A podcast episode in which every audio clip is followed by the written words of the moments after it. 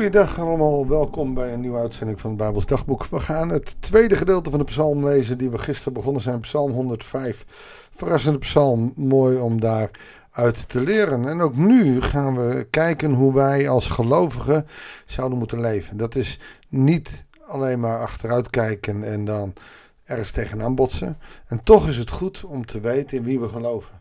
En dat is een God die hemel en aarde gemaakt heeft, die schepper is van alles, maar die ook wonderen gedaan heeft. En dat zie je in het Oude Testament telkens weer terugkijken naar, herinner je als gedenkmonumenten wat God voor je gedaan heeft. En daar beginnen we eigenlijk vandaag meteen mee. Israël trok weg naar Egypte. Jacob verbleef als vreemde in het land van Gam. God maakte zijn volk zeer vruchtbaar machtiger dan wie het belaagde. Hij veranderde hun hart, ze gingen zijn volk haten. En hij spande samen tegen zijn dienaar. Hier zie je dus de haat van de Egyptenaren tegen. Hij stuurde Mozes, zijn dienaar, en naar Aaron, de man die van, van zijn keuze. Ze kondigden zijn wondertekenen aan machtige daden in het land van Gam. Waarom het land van Gam, Sem, Gam en Javet?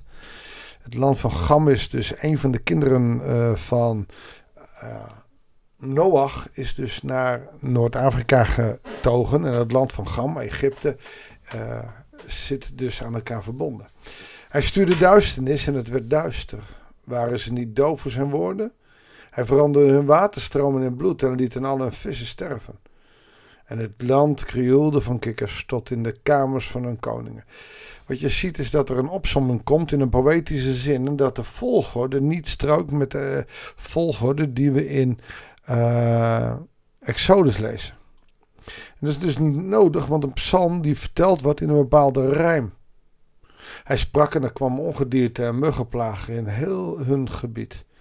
In plaats van regen gaf hij hagel, hevige branden ontstak hij in een land. Hij trof een wijnstok en een vijgenboom en verwoestte de bomen in een gebied. Ik ben erg benieuwd of in het Hebreeuws ook veel meer rijmwoorden in zitten. En welke poëzie het is. Ik zou het kunnen uitzoeken, maar het gaat wat ver om dat nu te doen. Maar je merkt dat er een ritme in zit. Je zou er haast een, een rap op kunnen maken.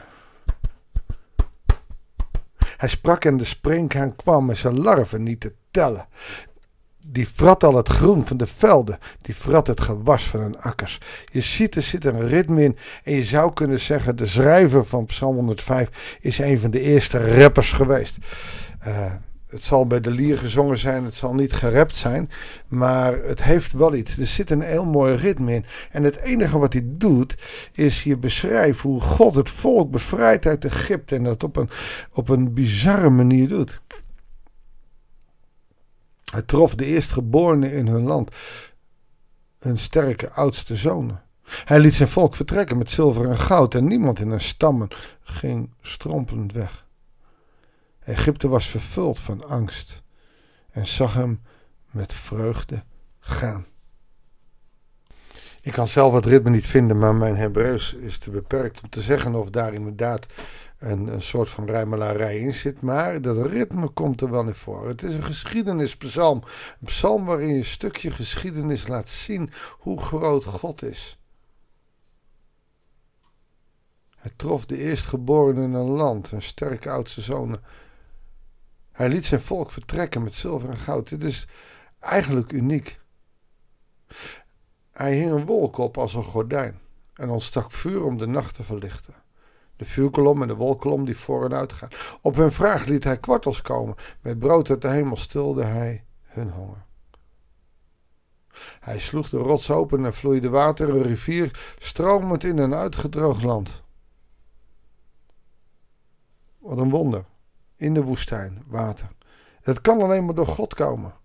En toch zie je dat in deze rap, in deze poëzie, laat je inmiddels helemaal meenemen hoe, hoe groot God is. En dat is voor ons ook belangrijk.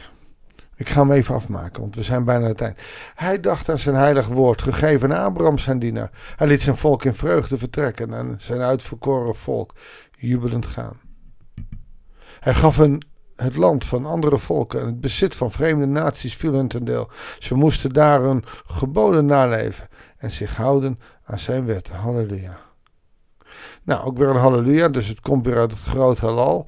Ehm, maar wat erin staat is, kijk eens wat God allemaal gedaan heeft. Zo groot, zo veel, zo bijzonder, zo heftig. Vanaf vers 23 kunnen we alleen maar grootste dingen zien. Hoe hij Egypte heeft geplaagd met straffen. Hoe het volk daar aan ontkwam.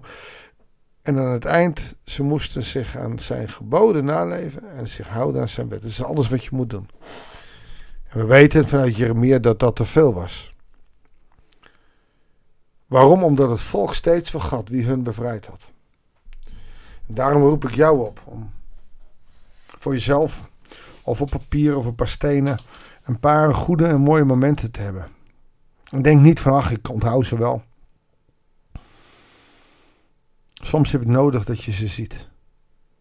Dat ze voor je staan en dat je denkt, oh ja. Dat midden in de vertwijfeling je zegt, oh ja. Toen was God erbij. Hij heeft me toen geholpen, het was buitengewoon. Want daar gaat het om, het zijn buitengewone dingen. En God zegt, ik wil dat je het gedenkt, want toen zij eenmaal over de rivier ging het land binnentrokken na 40 jaar woestijn moesten Jozua twaalf stenen nemen en daar als gedenkstenen opstapelen. Geen offer, maar gedenkstenen. En wij, daar doen we niks mee. Maar het is een idee van God om gedenkstenen neer te zetten. Gedenkstenen die ons kunnen helpen om te herinneren wat God voor ons deed. Net als deze psalm. Herinner je wat God aan jou gedaan heeft. En je zult geluk vinden bij Hem. Feitelijk zou ik je nu even tijd willen gaan geven en stilte om, om je daartoe kans voor te geven. Laat me eerst met je bidden. Lieve Vader in de hemel, u werkt in al onze levens. Of we nou jong, oud zijn, of dat we uh, dik, kaal en lelijk zijn, of dat we prachtig mooie mensen zijn. Als we nu geloven, weten we ook, als we in uw, relatie staan, dan weten we ook dat u wondermooie dingen in ons leven doet. Heere God, maar soms vergeten we die. Ik wil nu gewoon een moment van stilte hebben om even daaraan te denken, om te ontdekken wat u voor ons gedaan heeft. En misschien kunnen we één ding verzinnen, wat we al bijna vergeten waren, waar we aan ons kunnen vastklampen. Hoor naar ons.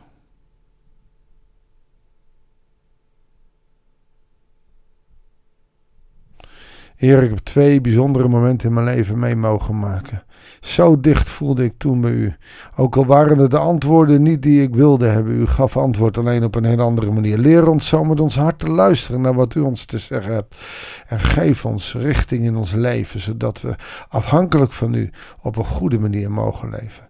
Maar leer ons ook vertrouwen op ons instinct. Dat we uw evangelie vasthouden en dat als leidraad in ons leven. Heer, opdat we niet vol vertwijfeling opeens allemaal vragen gaan stellen, maar dat we door uw liefde, door uw kracht, getroost, gesterkt en gekracht mogen worden. Dat bidden we u. In Jezus' naam. Amen. Nou, mijn gebed wat bijna op een rapstijl begon te lijken. Ik wens je God zegen voor vandaag en heel graag tot de volgende uitzending van het Bijbelsdagboek.